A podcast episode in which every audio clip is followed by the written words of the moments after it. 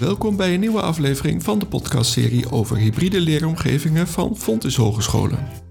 Je kan vandaag gaan luisteren naar een hele bijzondere aflevering. Enige tijd geleden werd ik namelijk benaderd door Rolf van Haren en Yves Feijen van de podcastserie Bruggen bouwen met ecosystemen.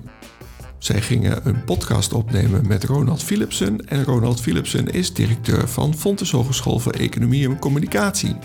En aangezien ze wilden praten over hybride leeromgevingen, hebben ze mij gevraagd om samen die podcast op te nemen. Deze aflevering is dus niet alleen te horen in deze podcastserie, maar ook in de podcastserie van Rolf en Yves Bruggen bouwen met ecosystemen. Mijn naam is Ronald Scheer en ik wens je veel plezier bij het luisteren naar deze aflevering van de podcastserie over hybride leeromgevingen. Welkom bij een podcast Bruggen bouwen met ecosystemen. En vandaag doen we dat in co-creatie met de Fontis. En we maken ook gebruik van de omgeving van Fontis met de podcast Hybride Leeromgevingen. Uh, vandaag hebben we Ronald Philips in de uh, uitzending. Uh, en Yves Feijen natuurlijk, zoals altijd. Welkom Yves en Ronald. Vandaag gaan we het hebben over bruggen bouwen met ecosystemen binnen de educatie. En ik ga eerst daar Ronald over bevragen wat hij daaronder verstaat. En uh, daarna gaan we wat vragen stellen over zijn uitgebreide cv, want die heeft natuurlijk goed bestudeerd. Uh, maar wat mij het meeste daarin opviel, uh, Ronald, is dat wat jij nou zelf hebt gedaan, dat vind je ook helemaal terug in het instituut waar je directeur van bent. En dat vind ik zo bijzonder. Dat ik van, oh, je bent echt de personificatie van hetgeen wat je probeert over te brengen. Dus, nou, teken away, Ronald Philipsen. Ja, dat klopt inderdaad, Rolf. Als ik uh, kijk naar mijn werkzame leven tot nu toe, dan zit daar uh, veel ondernemerschap in. Uh, zowel in een corporate omgeving als in een start-up omgeving. En er zit ook veel onderwijs in, omdat ik in mijn tijd in het bedrijfsleven veel met onderwijs te maken heb gehad aan de klantkant. Ehm, en hier bij Fontes komen eigenlijk die lijnen op een hele mooie manier bij elkaar. Daar heb je gelijk in. Kun jij eens iets vertellen over je eigen opleiding, je eigen achtergrond? Wat, wat je hebt gedaan daarin? Uh, je bedoelt uh, mijn eigen studie. Ik heb in uh, Maastricht gestudeerd, economie. En dat was toen nog, dat is alweer een tijdje geleden moet ik zeggen. Ik werd laatst uitgenodigd door mij in de dispuut die 30 jaar bestonden. Dus het zesde lustrum, dus dat wil iets zeggen. maar die waren toen net begonnen met probleemgestuurd onderwijs. En eigenlijk, als je nu kijkt, is het bijna zijn, was het bijna zijn tijd vooruit. Dus echt vertrekken vanuit, vanuit de probleemstelling en vanuit daar kijken. nou, wat je moet, uh, zou moeten leren om dat, om dat probleem beter te pakken. En dat zat toen echt nog in een experimentele fase, dus daar ben ik toen op afgekomen. En uh, nou, dat heb ik met heel veel plezier gedaan. Dus uh, ik heb, ben economie gestudeerd, internationaal management, dan afstudeerrichting. En toen heb ik nog als een van de laatste der mooie kader, denk ik, nog in dienst gezeten. Oh, echt? Ik ook. Jij ook, ja. Nou, ik in 1994 en toen ik eruit kwam was het afgeschaft. Dus, maar goed, dat was wel een periode dat ik even na kon denken van wat wil ik nu. En uh, nou ja, vanuit daar bij uh, Sanoma terechtkomen, ik net zei. Zo een, een, apart berichtje misschien wat ik nu maak. Maar als je naar de dienstperiode kijkt en je projecteert daar hybride leren op. Wat, wat ontstaat dan? Want daar werk je natuurlijk ook met heel veel disciplines samen. En leer je ook met elkaar optrekken en gezamenlijk een doel te bereiken, toch? Mm, ja, dat zou idealiter wel. Als ik terugdenk aan die dienstperiode, denk ik vooral aan uh, hoe kwamen we ook alweer alle dagen door, zeg maar. Um, nou ja, wat je misschien zou kunnen zeggen is, uh, na, na mijn uh, uh, opleidingsperiode werd ik, omdat ze dachten van, oh, die kan wel een beetje met geld omgaan, laat hem de kantine maar beheren. Dus dat heb ik toen gedaan. nou ja, waar misschien een parallel ligt met de hybride leren, dat je met heel veel verschillende persoonlijkheden te maken hebt. want in het leger zit natuurlijk een soort dwarsdoorsnede van de, de bevolking. Nou, die heb je ook voor de bar zitten. nou, daarvan zou je kunnen zeggen van, nou, dat, dat dat met elkaar een soort community bouwt en uh, probeert er het beste van te maken. En nou ja, dan zou je een soort van hybride leren kunnen noemen. Ja. Even voor, voor, voor de luisteraars, hè, als we het over hybride leren hebben. Hè, wat is jouw definitie, die definitie van hybride leren, zodat we op één bladzijde zitten? Ja, dat is uh, een goede vraag inderdaad. Want ik denk als je tien mensen vraagt wat hybride leren is, krijg je tien verschillende antwoorden. Dus ik ben niet zo van de theoretische definities, maar mijn eigen beeld bij hybride leren, zoals wij het ook invullen binnen ons uh, instituut, is dat alle deelnemers, dat is een belangrijk uitgangspunt, uh, gelijk zijn. Dus dat betekent dat je hebt docenten, studenten, mensen uit het werkveld, onderzoekers, die werken met elkaar aan maatschappelijke vraagstukken, vaak complexe vraagstukken, waarvan het antwoord van tevoren echt niet bekend is. Uh, en er ligt eigenlijk een, een blanco vel op tafel. Er ligt een wit vel op tafel, dus iedereen brengt in, iedereen leert, leren van elkaar. En natuurlijk is hybride ook online en offline door elkaar heen.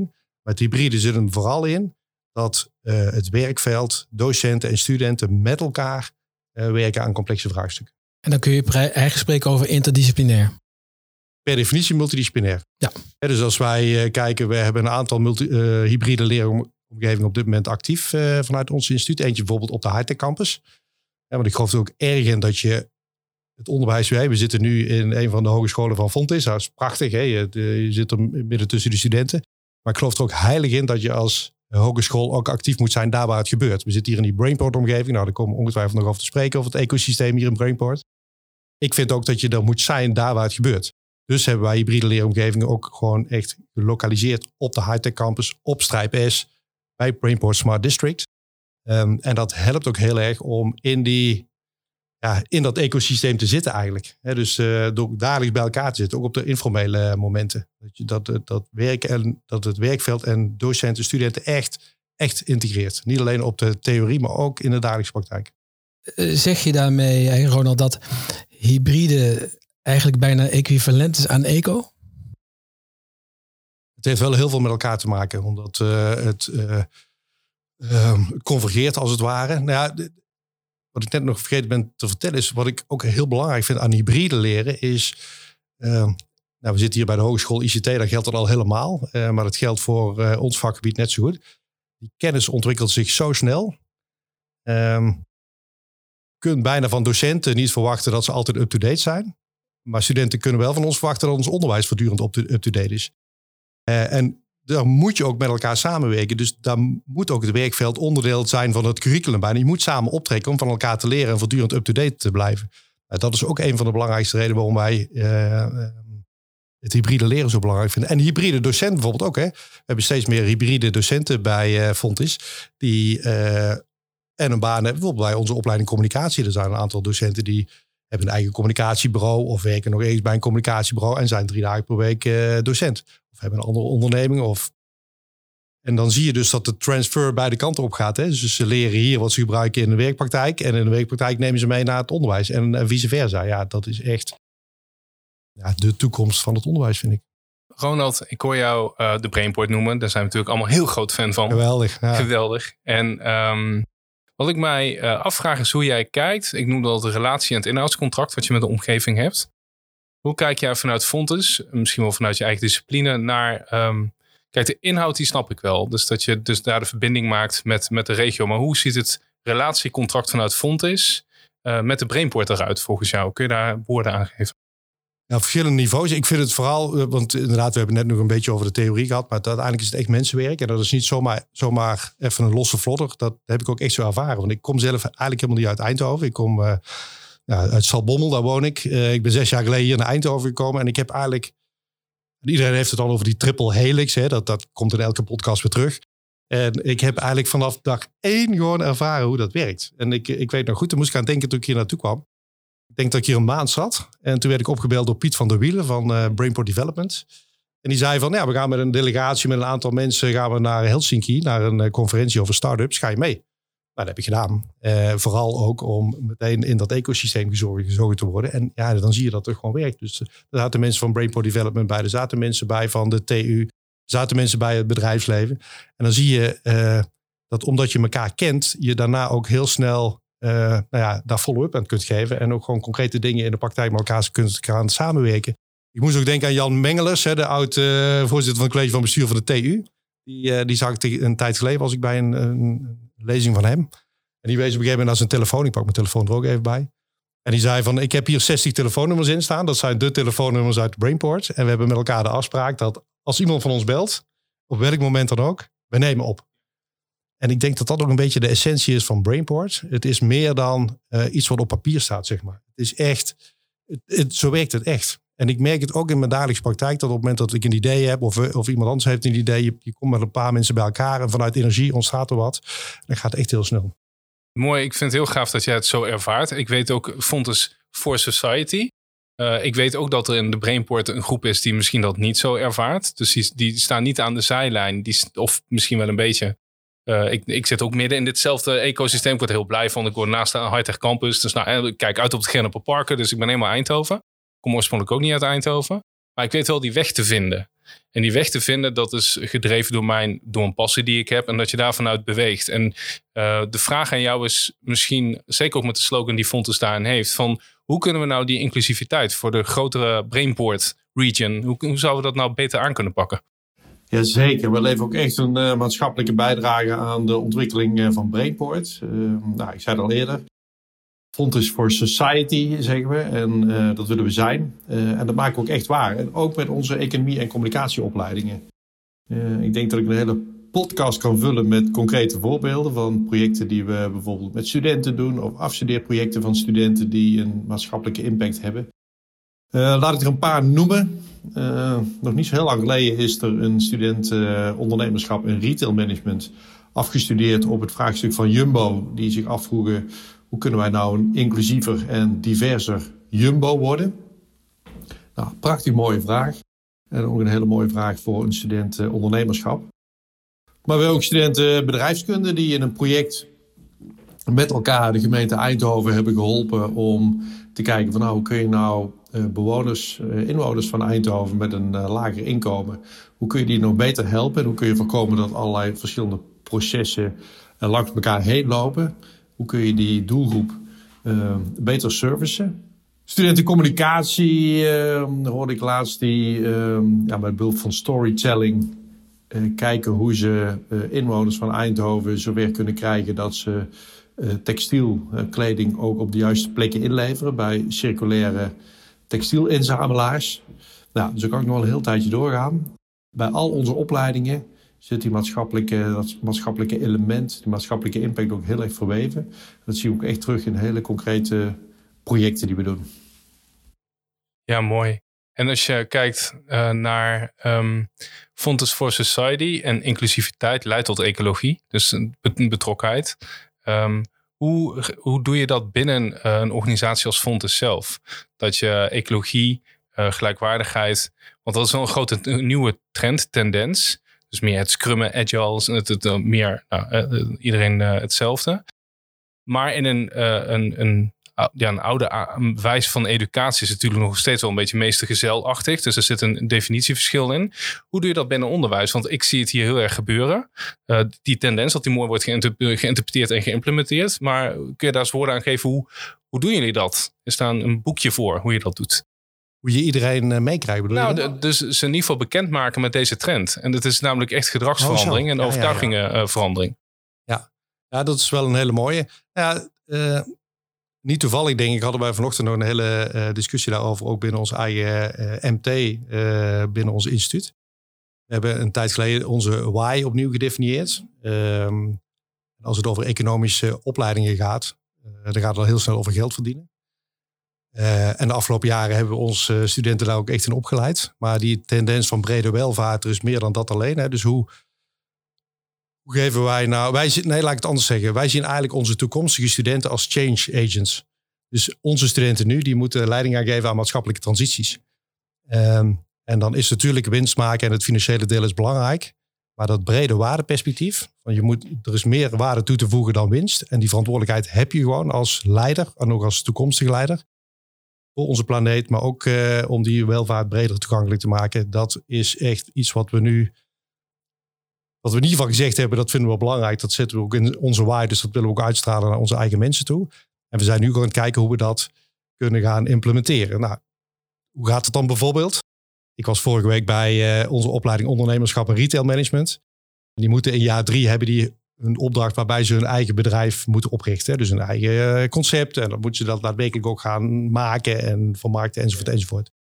Nou, er waren tien pitches van tien studententeams. En uh, Natuurlijk hebben ze ook die opdracht wel meegekregen, maar je zag ook wel dat het uit hunzelf kwam. Dat waren allemaal businessconcepten, waar naast het financiële deel ook op een of andere manier een maatschappelijke impact in zat. En dat soms ging het over circulair, uh, maar lang niet altijd. Uh, maar, en dat vind ik ook wel mooi aan deze generatie. Uh, natuurlijk krijgen ze het mee, hè, dus in, de, in de opdracht. Maar het zit ook wel echt veel meer in deze generatie dan. Ik zie nu al het verschil ten opzichte toen ik vijf, zes jaar geleden begon. Was dat echt nog niet aan de orde. Dus het, uh, en op die manier zie je er dus ook wel groeien in die, in die opleidingen. Dat, dat vind ik wel een interessant gegeven. Want Aan de ene kant zien we in de maatschappij enorme individualisering ontstaan. Hè?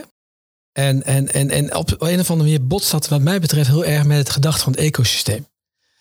ik, ik heb weer gekeken naar een aantal kenmerken, wat mensen over jou zeggen. En dan herken ik dat heel veel in ecosystemen. Van uh, outside, uh, uh, indenken, ondernemerschap, verbinding, netwerken, transparantie. Ik denk dat het heel belangrijk is. En soms worstel ik wel eens met de gedachte die ik ook zie als ik dagelijks om me heen kijk van hoe individueel mensen eigenlijk zich aan, aan het opstellen zijn. Hoe, hoe, hoe kijk jij daar tegenaan? Want jij ziet deze mensen natuurlijk regelmatig hier op dit instituut rondlopen. Nou, je bedoelt uh, docenten bijvoorbeeld, of gewoon onze medewerkers? Nee, juist de, de, studenten. de studenten met name. je had het net over die generatie studenten. waar die individualisering aan de ene kant, ik, ik lees, lees egoïsme, ik, ik doe het voor mezelf, versus het maatschappelijk belang. ik ben ook voor de anderen bezig, wat heel erg zou passen in het ecosysteem. Ja, ik ga niet zeggen dat elke student, als je, we, hebben 5000 studenten bij ons instituut, als je bij de deur gaat staan, je, eh, dan zul je echt niet 5000 uh, draden trekkende verhalen krijgen van ik ben zo betrokken bij, bij de wereld. Maar mm, ik denk wel dat wij ook invloed kunnen hebben op de manier waarop wij het onderwijs inrichten. Uh, toevallig had ik daar net nog een hele discussie over, of een hele plezierige, energiegevende discussie moet ik zeggen, met een paar docenten van ons van de commerciële economie. Die echt bezig zijn met een onderwijsinnovatie waarbij een van de docenten, Twan, ook letterlijk tegen mij zei van je gaat zo meteen een ander type studenten zien bij ons. Uh, en hij zei, we hadden in het verleden echt, en dat had ook echt met de manier van onderwijs te maken, ook wel echt veel studenten die zeiden van wat moet ik leren voor de toets. Die bijvoorbeeld op maandag, letterlijk op maandagmiddag zeiden prettig weekend. En dan vroeg de docent van hoezo prettig weekend? Ja, ik zei ja, ik ben er wel klaar mee voor deze week. Terwijl we nu veel meer met kortcyclische projecten werken, met projecten vanuit echte vraagstukken vanuit uh, de regio. Waarbij er ook niet zozeer op kennis getoetst wordt, maar veel meer gewerkt wordt met portfolio's, met assessments. Waarbij je dus wordt beoordeeld niet alleen op, dat, op het product wat je aflevert, maar ook op de inzet en je algehele performance. En nou zie je, tenminste dat begrijp je net ook van onze uh, docenten, dat ze er veel meer zijn, uh, letterlijk, maar ook, maar ook mentaal. Dus de manier waarop wij ons onderwijs inrichten, komt, krijgt ook wel iets, maakt ook wel iets los, laat ik zo zeggen. Dus ik ben, ik heb zelfs jongens in diezelfde leeftijd. Ik, ik weiger te geloven dat ze in de basis uh, egoïstisch zijn. Dus het ligt ook echt wel de manier waarop wij het inrichten en proberen te triggeren. Ja, ik vind egoïsme vind ik wel echt een groot woord. Ik zou eerder egocentrisme gebruiken. Dat, dat is een verfijning. En wat, wat ik altijd mooi vind als je kijkt naar landen als China. Daar denk, staat het collectief eerst en dan komt het element jij. Maar je bent ondergeschikt aan het collectief. En als je uitvalt als radar, ja, dat is dan heel erg. Alleen het collectief is belangrijker. En wij zitten hier natuurlijk in dat individualisme, zijn we daar misschien wat in doorgeslagen. En je ziet dat dat reguleringsprincipe, dat het uiteindelijk weer terugwijst met STG's en B-corps en dat soort dingen. Dus er is een culturele trend op contextniveau aan de hand.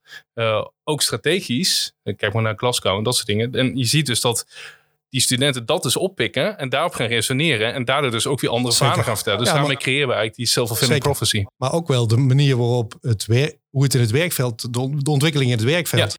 Een accountant die is nu nog vooral bezig met de, met de financiële jaarrekeningen van een eh, organisatie. Maar die zal steeds meer, hè, die, die, eh, die, dat zie je nu al gebeuren.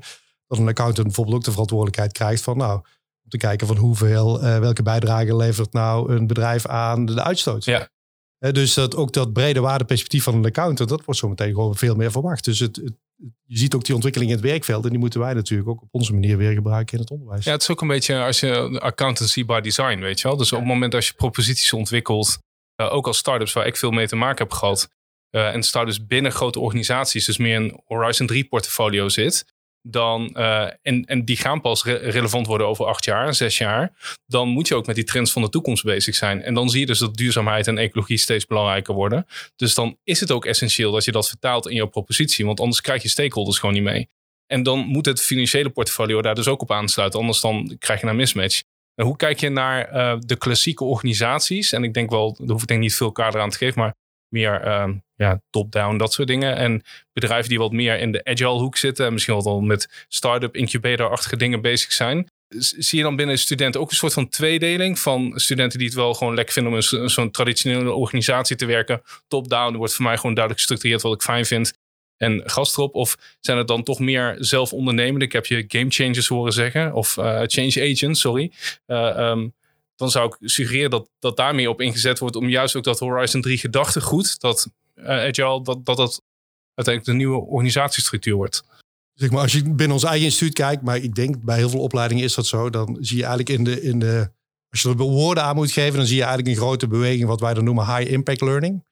En dat gaat vooral over meer regie bij de student zelf. Het gaat over authentieke leeromgevingen, zoals hybride leeromgevingen, dus echte, echte leersituaties. Hè, vertrekken van echte vraagstukken. Veel meer kortcyclisch, veel meer agile.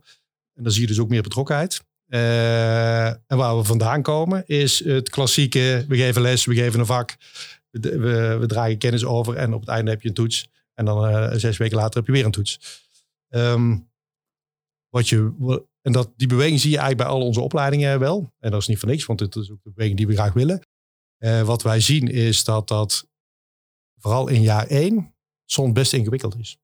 Uh, want dan komen ze vanuit bijvoorbeeld HAVO, waar het wel nog heel klassiek is. Uh, met vakken, met toetsen. En dan opeens wordt er van een 17-jarige uh, zelfverantwoordelijkheid verwacht en veel meer regie verwacht. En daar zie je wel dat het in het begin nog wel eens wil schuren. En dan vraagt ook heel veel van onze mensen, want je komt al heel snel in de verleiding om daaraan toe te geven. Hè, aan dat consumentengedrag, zoals wij dat dan noemen. Hè, van ja, vertel het me maar. Hè, um, dan moet je eigenlijk op je handen gaan zitten en geduld hebben. Wait for it. Komt het wel? ja, wait for it. Ja. En je ziet bijvoorbeeld bij onze communicatieopleiding zijn ze nu in jaar vier uh, met een nieuwe manier van afstuderen begonnen. Dus geen uh, uh, scriptie meer. Maar ja, wat is nou een scriptie? Hè? Wat, wat heb je er eigenlijk aan? Heel jaar vier studeer je af en je doet dat aan de hand van hele concrete beroepsproducten die, voor opdrachtgevers die je gewoon zelf werft in de, in de regio. Ook daar zijn er studenten bij die dat, die dat uh, niet fijn vinden. Want die hebben zoiets van, oh, scriptjes ook wel lekker, kan ik gewoon thuis maken. En hier moeten ze echt een actiemodus, zelf op zoek naar uh, concrete opdrachten en iets maken waar de opdrachtgever echt behoefte aan heeft. Maar we zien wel dat dat dan veel meer aansluit, ook veel meer beter aansluit op het werkveld.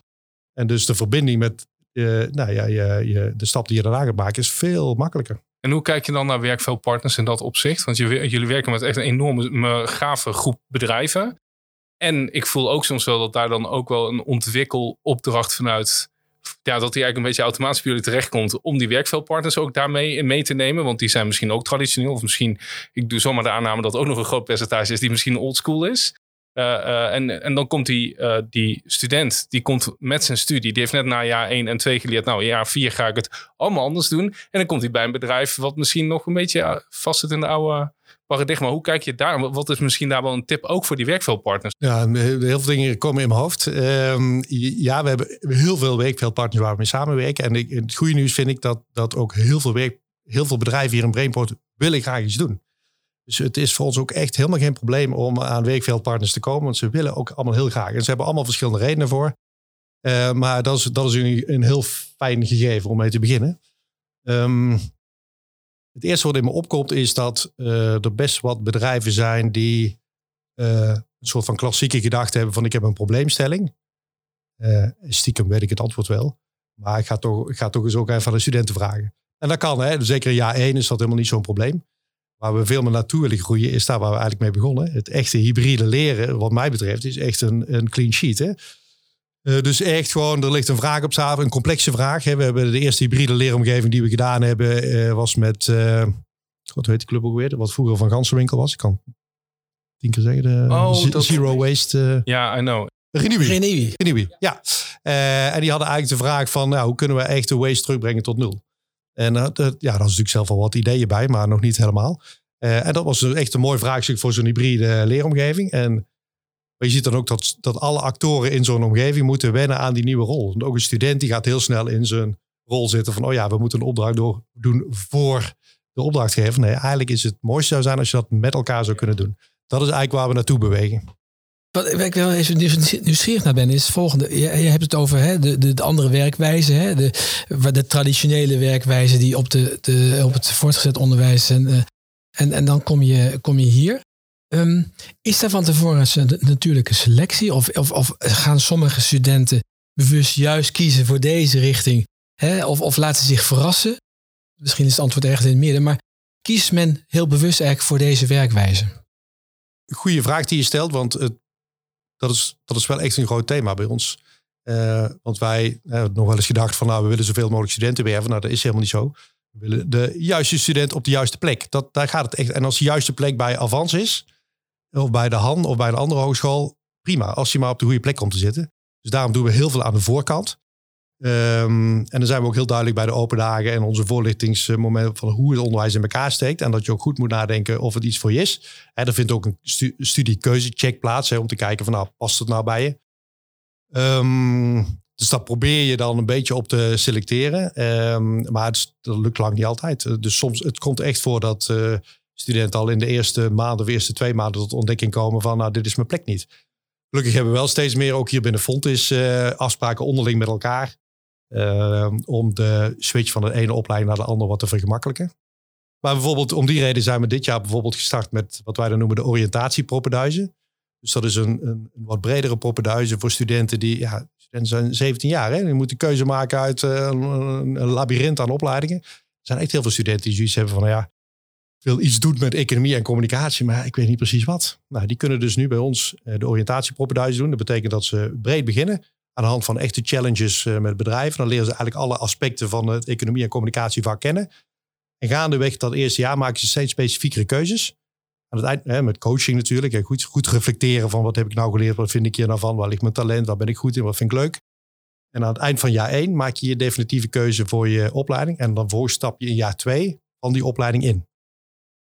En op die manier hopen we nog meer studenten uh, naar de juiste plek te bewegen. En minder te verrassen. En, en in het verlengde daarvan, hè, want je hebt het natuurlijk ook over organisaties hè, die ook nog eens veel traditioneel kunnen uh, ja, lang niet altijd. Nee, niet altijd, maar die zijn er natuurlijk. En ik kan me voorstellen in het hele uh, Brainport traject dat er best wel dit soort organisaties zijn die dan toch willen samenwerken.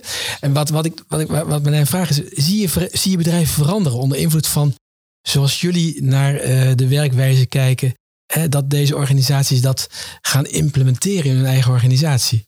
Komen er vanuit een misschien wat traditionele benadering? Oeh weet niet of wij de pretentie moeten hebben of wij eh, bedrijven echt kunnen veranderen. Wat je wel ziet is, dat was eigenlijk het eerste wat in me opkwam toen, toen je begon met die vraag. Uh, er zijn ook studenten die heel goed gedijen uh, in een wat klassiekere omgeving. Hè? Dus op het moment dat je stage gaat lopen, dat je zegt van, nou ja, ik zit op een afdeling marketing met nog 60 man.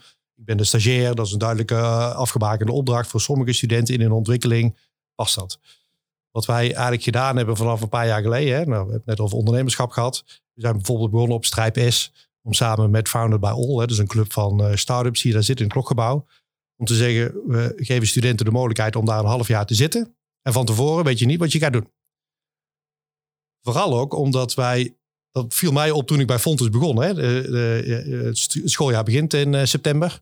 En in oktober zegt een uh, bedrijf, ik heb een mooie klus voor een student. En dan zeggen wij, ja, dat is hartstikke leuk. Kom in februari maar terug, want dan begint onze nieuwe stagiaire periode. Dus de, de, de dynamiek van aan de bedrijfkant en de dynamiek aan onze kant, daar zat iets niet goed. Dus het zat eerder voor mijn gevoel bij ons dat wij zoiets hadden van nou, hoe kunnen wij dat doorbreken? Dus toen hebben we, en dat doen we dus op de Hightech Campus ook, hoe kunnen we uh, plekken creëren waarbij waar studenten wel naartoe gaan, maar ze weten van tevoren niet wat ze gaan doen. Maar dat geeft je wel de mogelijkheid om in dat half jaar heel agile en heel wendbaar te reageren op die klussen die op dat moment opportun zijn. En dat werkt heel goed, maar lang niet voor alle studenten. Dus we hebben daar zelfs in het begin uh, hebben daar de studenten ook pitches laten doen om te kijken van, nou, pas jij hier?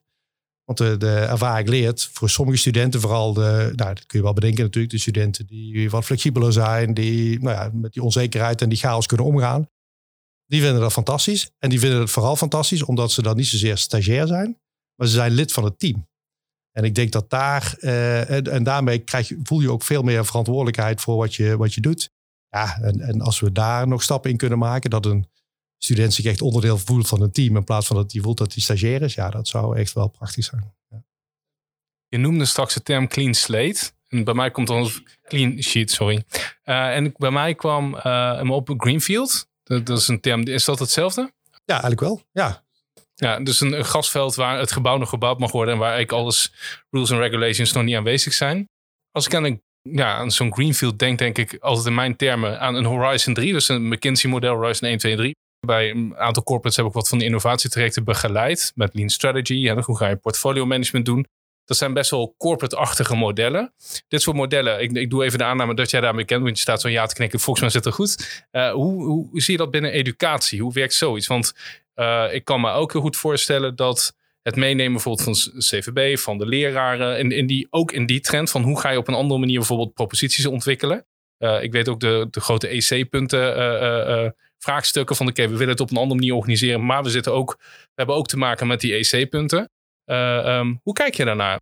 Um, ja, ik zal zo meteen wel iets delen van mijn worsteling. Uh, of misschien is het wel meer een droom dan een worsteling. Dat zou ook wel kunnen.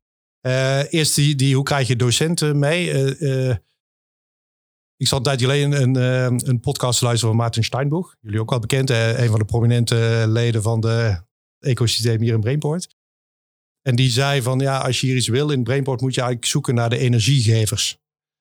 Uh, en daar herken ik ook heel erg. Uh, als je hier een Brainport iets wil, kan heel makkelijk. Je moet gewoon zoeken naar de energiegevers. Mensen die echt iets willen vanuit energie iets willen doen. Dan kun je heel snel iets bereiken. Dat is eigenlijk hetzelfde binnen docententeams. ik zeg niet dat, dat er ook mensen bij zijn die energie vragen. Maar er zijn altijd mensen bij die net iets verder... Nou, die echt die energie voelen om die innovatie op te pakken, zeg maar. Um, en dat zijn vaak ook degenen die de eerste groep, zeg maar, die ermee begint. Uh, en op het moment, dat zien we eigenlijk nu in de praktijk bij die opleiding commerciële economie, wat ik net zei. Daar zijn een aantal docenten begonnen. Natuurlijk wel vanuit een idee en vanuit visie samen met werkveldpartners om dat onderwijs te innoveren. En die, die groep docenten die, nou ja, die zoiets hebben nou, e-, eerst zien dan geloven. Die wachten toch eerst af van, nou, hoe, hoe gaat dat in de praktijk? Werkt dit? Uh, wat vinden studenten ervan? En op het moment dat daar een soort positieve vibe komt, nou ja, dan haken zij ook wel aan. Dat zie je daar nu eigenlijk wel uh, gebeuren. Zijn dus echt die, die laggards en, te, en die early adapters, die, ja. die beweging. Ja. ja. Kijk, wat ik de, wat ik de uh, als je kijkt hoe Fontes, uh, dan heb ik het even over Fontes als organisatie. Als je kijkt hoe Fontes georganiseerd is in, in, in instituten, dus hogescholen. En dat geeft heel veel autonomie en vrijheid aan de individuele scholen. Dat is heel prettig. Maar het geeft ook een soort uh, silo-vorming. En zeker in de tijd waar we nu in staan en waar we naartoe gaan, waar, waar dat eigenlijk allemaal doorbroken moet worden, het multidisciplinaire werken, uh, staat die silovorming soms in de weg. Nou, dat is ook de reden geweest waarom wij hier op de campus, hè, we waren eerst vier losse instituten met de economische opleiding, we hebben ze twee jaar geleden gewoon bij elkaar gevoegd. Dat maakt het multidisciplinair werken veel, veel gemakkelijker. Um, maar ik denk als we daar nog een stap verder in willen gaan, ja, dan, dan ligt ons nog wel een klus van hoe gaan we dat doen? Hoe gaan we nou ook zorgen dat niet alleen de studenten van economische opleidingen met elkaar gaan werken, maar ook de studenten van engineering, van uh, economie en ICT en social studies bij elkaar. Nou, het gebeurt al steeds meer, uh, maar daar zitten soms wel ja, hele platte dingen als curriculaire uh, ja, hazards in de weg. En dan ben ik toch geïnspireerd door een van onze collega hogescholen, bijvoorbeeld Saxion, die ik, die ik afgelopen vrijdag sprak. Die hebben afgesproken met elkaar vanaf schooljaar 2023, 2024 heeft elke student van Saxion van alle opleidingen in het in jaar drie, in het zesde semester, gaan we multidisciplinair werken. En zoiets heb je denk ik wel nodig om te doorbreken dat er als het ware ruimte ontstaat om dat nog meer uh, vorm te gaan geven, om, om echt op te schalen. Ja, en ik denk daarin dat de corporates daar dezelfde worsteling hebben.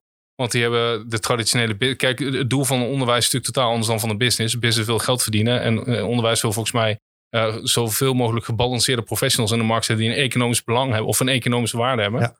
Dus als je dat wil installeren, zo'n Horizon 3 binnen educatie, is dan ook de vraag wie betaalt het nou eigenlijk? Mm -hmm. en, en, dan gaat het dus ook over return of investment. En dan is dus ook de vraag van hoe kun je, uh, laatst had ik met uh, Nimeto's, een mbo-school in, uh, in Utrecht, waar zelf zaken mee doen.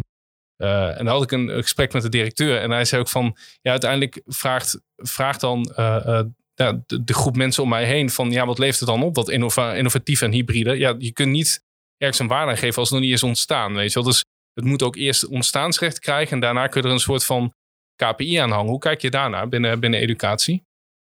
Nou, dat vind ik echt als je kijkt naar hoe ik, uh, uh, hoe deze organisatie Fontes heb beleefd en nog steeds. Daar zit helemaal geen uh, niet een, een, financiële afrekencultuur achter. Natuurlijk moet je zorgen dat je financiële huishouding op orde is, maar dat is een soort randvoorwaarde.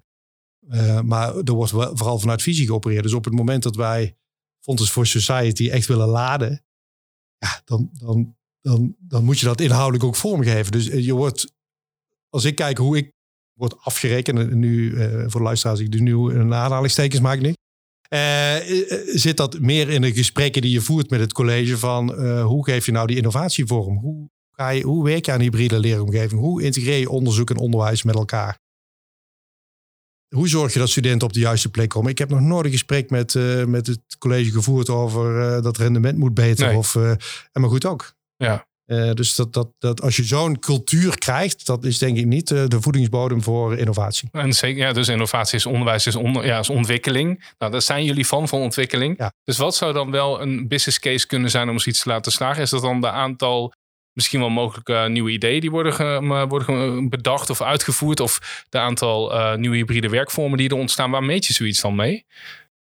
Um, ja, dat is een goede vraag uiteindelijk moet het te goede, goede komen aan de kwaliteit van het uh, onderwijs. Hè. Dat, en, maar dat is een enorm containerbegrip. En daar ja. kun, kun, je podcast over vullen hoe je dat uh, moet meten, inderdaad. um, het zit in ieder geval niet in de financiële component. Het zit hem, denk ik, in tevredenheid van de. de betrokkenheid van de student, dat moet je dan op een of andere manier meten. Maar het zit ook wel bijvoorbeeld in aspecten als tevredenheid van het werkveld.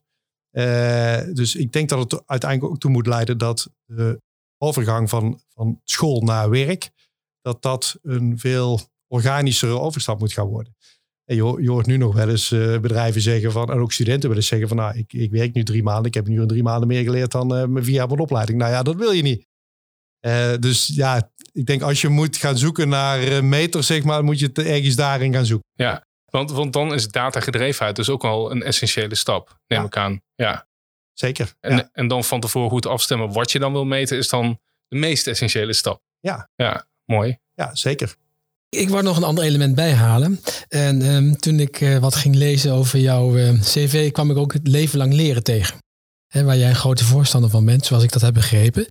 Hoe, hoe kun je dat in, in, in, in de Fontes-organisatie eh, v- verbinden? Wat veel mensen niet weten is dat wij naast eh, dat wij onderwijs geven voor voltijdstudenten, eh, eh, onderwijs geven aan deeltijd en professionals.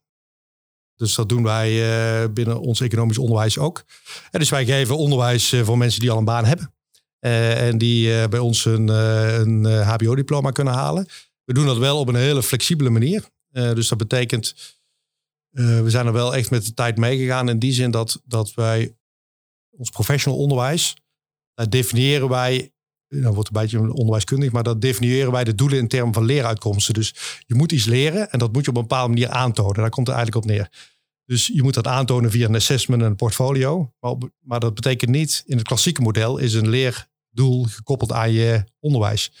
Dat is nu losgelaten. Dus op het moment dat je een leeruitkomst moet aantonen, bijvoorbeeld dat je een eh, externe analyse kunt maken, dan kun je dat bijvoorbeeld ook aantonen, omdat je dat op het werk al een keer gedaan hebt. Dus je, je eh, leren werken wordt wel steeds meer geïntegreerd. Dus je kunt je leeruitkomsten ook aantonen op datgene wat je buiten het onderwijs al gedaan hebt of eh, nog steeds doet. En daardoor ben je dus bijvoorbeeld ook in staat, theoretisch, om een HBO-diploma, als je al werkt, eh, in sneller dan vier jaar te halen. Omdat je bepaalde dingen al kunt. Ronald, ik wil eh, langzaam naar de afronding van deze al? podcast. Ja. Ja. nou goed, weet je. Ja, ik, we gaan zo nog een uur door, hoor, maar maakt het ja, niet uit. Zeker. Ja. Ja, zeker. Ehm, wij beginnen, eindigen altijd met de takeaways. Ja. Dus de take-outs, take we zijn nog steeds niet achter wat het nou is. Een takeaway of een take-out. Maar laten we gewoon een takeaway doen. Yves. Ja, eigenlijk, en hij, hij komt eigenlijk niet van jou, maar ik vond het toch wel mooi. Ehm, de energiegevers. Ik vind dat wel een hele mooie. Hè? We hebben het altijd gehad over eh, als, als we moesten de frontrunners, hè, de innovators hebben. Maar de energiegevers is volgens mij een extra dimensie. En dat is ook een andere groep. Dat hoeft niet altijd degene te zijn die eh, vooraan staat. Maar eh, iemand die wel, in ieder geval in mijn optiek, heel veel energie uitstraalt. En dat ook de omgeving mee weet te, te, te, te omarmen en, en te enthousiasmeren. Dus dat is voor mij wel een hele belangrijke takeaway. Mijn eh, take-out, takeaway. ehm God, wat heb ik meer, nog meer vertrouwen gekregen in, in Fontes als geheel. Dus wat jullie aan het doen, nee, dat meen ik serieus. Ik vind, eh, mijn take-away is dat met mensen eh, aan het stuur... die er zo holistisch naar durven kijken... en ook uitgesproken in durven te zijn... dat dat de energiegevers zijn. Dus die gaan voor en dan kunnen andere mensen daarin volgen... hun eigen vorm in vinden. Dus... eh, alleen maar bevestiging voor mij dat, dat het die, ja, die beweging er gewoon is. En dat het heel tof is om daar ook een onderdeel van te kunnen en mogen zijn. Dus dat is mijn take-out, takeaway. Dus eh, ben benieuwd waar jij mee komt. Ja, Ja, sowieso ontzettend leuk om dit te doen. Het, uh, wat, je, wat je net al zei, van, ja, je kunt nog uren doorpraten, Ja. voor mijn gevoel. En uh, dat, dat moeten we misschien op een ander moment nog wel een keer doen. Ik werd wel getriggerd eigenlijk door het laatste deel van ons gesprek... waarbij jij ook een beetje teasde op van... Ja, hoe ga je nou die onderwijsinnovatie meten? En uh, wij leren onze studenten uh, om data te analyseren... om goed na te denken over smart doelen. Dat doen wij natuurlijk op een bepaalde manier ook wel. Maar als het gaat over onderwijsinnovatie, wanneer ben je nou tevreden? Ik denk dat we dat echt nog wel uh, nog wat explicieter kunnen maken voor onszelf. En uh, dat, dat heb ik echt wel meegenomen uit dit gesprek. Dus dank je wel daarvoor. En sowieso dank jullie allemaal voor dit, nou, deze context te creëren om dit gesprek te voeren met elkaar. Echt leuk. Ja. Dank je erg, Ronald. Dank je, Yves. Ja. En tot de volgende dan maar weer. Tot de volgende keer.